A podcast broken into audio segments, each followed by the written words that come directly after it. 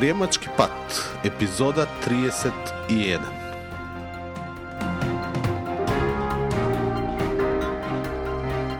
Здраво и голем поздрав до сите слушатели на Предприемачки пат, подкаст на предприемач.ком, чија цел е да ви помогне во креирање на ваш собствен и уникатен предприемачки пат. А во ова епизода ќе зборуваме за тоа како да бидете и останете поорганизиран предприемач. Во предходните две епизоди на предпремачки пат зборував за ефективно менаџирање на времето и нормал и систем за ефективно менаџирање на времето. Сега, во оваа 31 епизода би продолжил повторно со продуктивноста, но овој пат и нешто клучно за ефективно менаџирање на времето, а тоа е како да биднете и останете поорганизиран предприемач. Едноставно не можеме не знам како да кажам организирање и организација да ги гледаме одвоено од менаџирање на времето, затоа што едноставно добра организација значи и креирање на една соодветна рамка или подобро кажано соодветно обкружување за ефективно менаџирање на времето. Слаба организација доведува до хаотична состојба, што пак предизвикува секоја активност и секој чекор да бара се подолго и подолго време. И повеќе и повеќе време. А зошто? Кога може да кажеме да биде пократко време. Тоа и целта. Ефективно менаџирање на времето е да потрошите помалку време за да добиете исти или подобри резултати како и кога трошите повеќе време. Ајде да започнеме со она што се случува кога сте слабо организирани или зошто слабата организација а, може да доведе до подолго време за изведување на задачите. Ајде, како пример, слабо организиран индивидуалец тешко започнува со изведување на клучните активности. Едноставно заради неорганизираност, тој бара оправдание во или преку одолговлекување.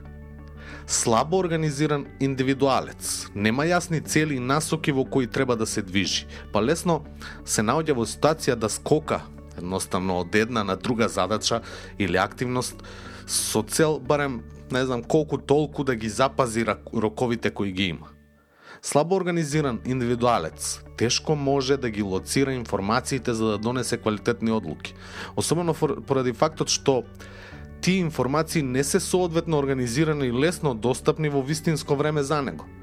Така, на таков начин, одлуките се одолговлекуваат или пак воопшто не се донесуваат, а во некои ситуации може уште пострашно да биде, односно да се донесат лоши одлуки со крајно негативни последици како за него како предприемач, така и за бизнисот воопшто.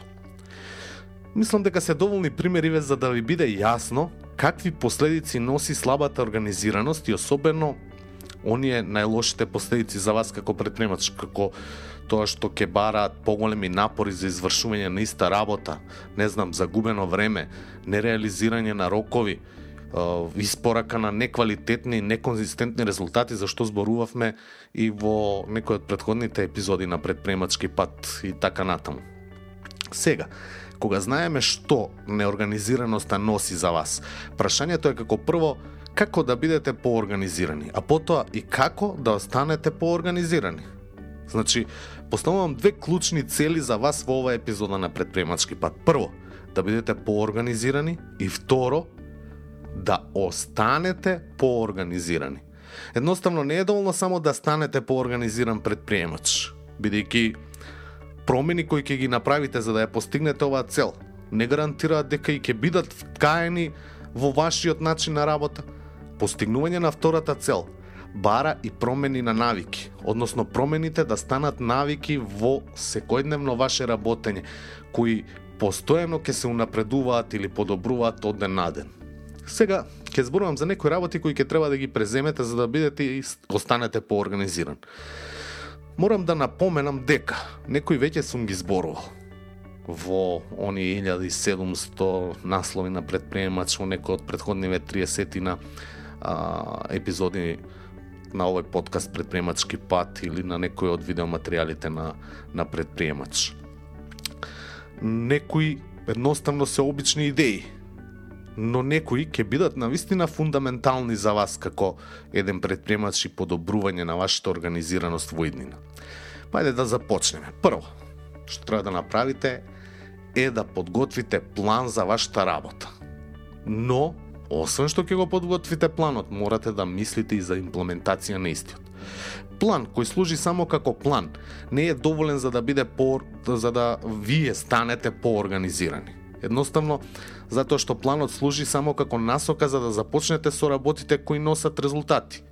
Нема да навлегувам тука многу во во она како да направите еден план и нема да должам многу во овој дел, бидејќи имам изборувано и пешувано на предпримач за овој чекор, доволно е само да пребарате за да на на, на клучниот збор да направам листа на предприемач.com или to-do листи и ќе имате огромен број на текстови кои ќе ви покажат што треба да правите. Сепак, оно што сакам да го напоменам е дека планот е значаен чекор во станување поорганизиран. Но на најважното е дека ќе треба секојдневно да го прегледувате и тој процес мора да ви стане рутина, односно навика. Значи да проверите што треба да направите, што ќе влезе во листата за денес, а што нема да влезе, што треба да отфрлите, што ќе биде следно, што е приоритетно, што е важно. Значи сето тоа ќе мора да го проверувате. Исто така и за тоа имате материјал на предприемач, неделни прегледи на вашата да направам листа и така натаму. Второ, мора да ги категоризирате вашите задачи. Сега, Во предходните две епизоди зборував за задачи и активности како и некои можни категоризации. А тука сакам да напоменам уште една можна категоризација, особено кога станува збор за планот и местото на секоја задача во истиот. Доколку ме следите подолго време, сигурно веќе знаете дека вашиот план може да има повеќе листи, како следни активности. Некои од нив ќе бидат за денес, некои за утре, некои ќе бидат за делегирање, некои можеби ќе дојдат на ред за следната година или пак не знам, воопшто нема да се имплементираат, никогаш ќе се отфрлат и нема да постојат. Сега, во зависност од систем кој вие го користите, ќе зависи и тоа какви листи ќе имате и која листа за која група на активности ќе се однесува. Некои, не знам, едноставно многу добро се снаоѓаат со тефтерче и пенкалце Некои користат пософистицирани системи за менеджерија на задачи. Но, она што е важно, е дека што и да користите мора да биде прилагодено за вас и вашата работа, вашите процеси и вашиот бизнис воопшто. Во моето искуство во работа со предприемачи не успеав да најдам некој систем кој едноставно ќе се реплицира за сите предприемачи. Да кажеме, да, ова ќе го користиме и сите ќе го користат и сите ќе бидат успешни заради тоа што ќе го користат токму тоа. Не може. Значи, условите во кои што функционира еден бизнис се сосема поинакви од друг бизнис. Начинот, односно потенцијалот на еден предприемач и начинот на кој што тој функционира е сосема поинаков од предприемач на друг бизнис. Затоа мора да се крира едно уникатно решение за секого за секој поединец, мислам. Како можни категории, да кажеме, кои што би можеле да ги користите, бе, како пример ке набројам неколку. Например, може да користите приоритетни и важни активности за категоризација на вашите задачи. Тука ќе бидат сите оние активности кои сметате дека се поприоритетни и поважни активности кои треба да дојдат на дневен ред колку што може побргу. Може да имате моментални акции како категорија. Од првата група на активности се којдневно ќе влегуваат задачите во оваа група, како и сите оние кои на некој начин ќе се појавуваат непредвидено и кои ќе бараат незначително време за да се завршат. На ваков начин нема да се доведете себе си во ситуација да ставате на листа за следно задачи кои самото менаджирање ќе бара повеќе време од нивната имплементација. Понатаму можете да имате категорија на делегирани активности. Доколку делегирате, а нормално дека треба да делегирате како еден предприемач, ќе мора да имате и систем за следење на завршување на тие задачи од страна на оние на кои им е делегирана истата. Доколку немате ваква група на задачи, знајте дека постои опасност истите никогаш да не бидат завршени. Бидејќи едноставно не можете да контролирате, а тоа е една од вашите функции како менаджер во вашиот бизнис. Потоа можете да имате категорија на активности кои ќе чекат. Ова се активности кои ќе бидат на листата, но се уште ќе чекат. Тие може да бидат некои работи кои треба да ги завршите по извесен временски период или работи кои бараат повеќе информации за да се донесе вистинската одлука. Сега, во зависност од вашата работа, можете да имате и други, поинакви категоризации, како например за читање и учење, комуникација преку телефон или пак пишување, дискусија, предлози или било што друго што е специфично за вашата работа и што може да ве направи подобар предприемач. Значи, Во зависност колку сакате да одите во деталите, ќе направите такви категоризација на категоризации на вашите активности. Забележувате дека овие последни што ви кажав читање, учење, не знам, комуникација, пишување, дискусија, предлози се доста специфични работи. Но сепак тие може да ви помогнат за правилно планирање и организирање на вашиот работен ден. Сега третото нешто што ќе треба да направите за да бидете поорганизиран предприемач е да обезбедите дека вашето работно место е продуктивно работно место. Нормално, вашето работно место е клучот на вашата добра организираност. Дали сте се нашле во некогаш во ситуација кога губите голем дел од вашето време за да најдете некој физички предмет околу вас во вашата канцеларија? Например, да кажеме документ, сметка, хефталка или било што друго. Дали сте се нашле во ситуација кога трошите премногу време за да најдете документ во вашиот компјутер? Ако вашиот одговор е да, тогаш на вистина ќе сакате и треба да ја реорганизирате вашата работна средина, односно вашата канцеларија. 5S методологијата служи за организација на работното место развиена во Јапонија, а корените ги влече од производството, односно лин филозофијата и главно се користи во производствените компании. Името доаѓа од пет јапонски зборови кои започнуваат со буквата С. Сеири сортирање, сеитон подредување, сеиси чистење, сейкецу стандардизирање и шицуке одржување. Со помош на 5С започнувате со отфрлување на се она што не ви е потребно на вашето работно место, затоа што најпотребните и најкористените нешта треба да бидат во прв план и единствени кои што треба да бидат на дофат на вашите раце. Вам не ви треба да подобрувате нешто што не е потребно во наш, вашата дневна работна рутина. Затоа, со ова методологија, како прво започнувате со сеири, сортирање на се околу вас во вашето работно место. Сортирањето значи да најдете се околу вас и да го елиминирате се тоа што не ви е потребно во работата. Мора да барате одговор на прашањата како што се наоѓа во мојата работна просторија, дали ми е потребно, кои работи треба да се елиминираат, како најдобро да се сортираат тие работи. Кога веќе ќе елиминирате се што не ви е потребно, а вие знаете колку е важен специфичниот елемент кој ви треба или не ви треба, можете да започнете со подредување, сејтон.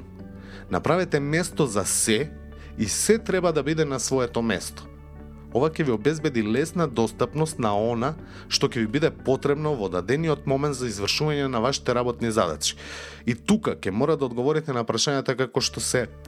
Колку е важен специфичниот предмет за мојата работа, знам колку пати го користам истиот на дневна, неделна или месечна основа, дали предметот е на вистинското место, што треба да сторите кога ќе ви треба специфичниот предмет, дали движењето кое што го правите кога ви треба специфичниот предмет е оптимално, дали местото каде што секој специфичен предмет е ставен е вистинското место за твојата работна рутина, каде секој специфичен предмет ќе биде сместен, како ќе бидат означени тие места каде што ќе бидат спестени тие специфични предмети кои што ви требаат во текот на работата. Сега, кога ќе се елиминира се што не ви е потребно. Се си има свое место и се е на свое место. Имате многу подобро работно обкружување околу себе. Следното нешто што ќе ви треба е рутинско чистење. Чиста работна средина е многу попродуктивна од неорганизирано и валкано работно место. На крајот на секој работен ден ќе треба да го исчистите вашето работно место на таков начин за да се се врати во првобитна состојба и се да си биде на свое место подготвено за вашата утрешна употреба. Клучна работа е дека чистењето и враќањето на свое место треба да биде дел од вашата секојдневна работна рутина. Ако ја користите оваа фаза само повремено, вашето работно место наскоро ќе стане повторно неуредно, неорганизирано и валкано. Кога знаете што ви треба, каде треба да стои, како да ги подредите и очистите работите. Сето тоа ќе треба да се стандардизира како посебна работна практика. Тоа е веќе се и кецу. За ова зборува во предходните епизоди на предприемачки пат стандардизација, стандардизација и градење на процеси, односно а, работни процедури во вашата компанија. Ова методологија не представува еднократно имплементирање и не значи дека ќе се спроведува без да се заборави. Треба да се стандардизираат практиките од првите 3 С во вашата дневна работна рутина. На таков начин, можете лесно и брзо да го подобрите вашето работно место со што истото ќе биде попродуктивно. Кога првите 4S се воспоставени и имплементирани како нешто нормално во вашата работна, односно дневна работа, ќе треба да го проверите и прегледате процесот за да најдете подобри начини да ги организирате нештата околу вас. Тоа е шицуке. Пронајди го најдоброто време за да ги ревидирате вашите стандардни оперативни процедури за одржување поорганизирано и подобрување на самото работно место. Нешто слично на ПЕС, на ПТС методот користел и Хенри Форд, кој се нарекува Кандо програм, што значи прво се да се очисти, потоа да се подреди, да се одржува уредно и постојано да се подобрува. Повторно ќе напоменам, не е важно кој систем ќе изберете да користите. Важно е да преземете нешто со што ќе обезбедите едно здраво работно обкружување, со што ќе бидете поорганизиран предприемач. И како четврто, предлагам да најмите личен асистент. Нормално би препорачал и најмување на личен асистент доколку нормално имате можност бидејќи на таков начин ќе се откачите од многу административни работи кои ви одземаат време а не додаваат директна вредност во вашиот бизнис. И како и секогаш, на крајот би поставил едно прашање, односно како успевате вие да се организирате.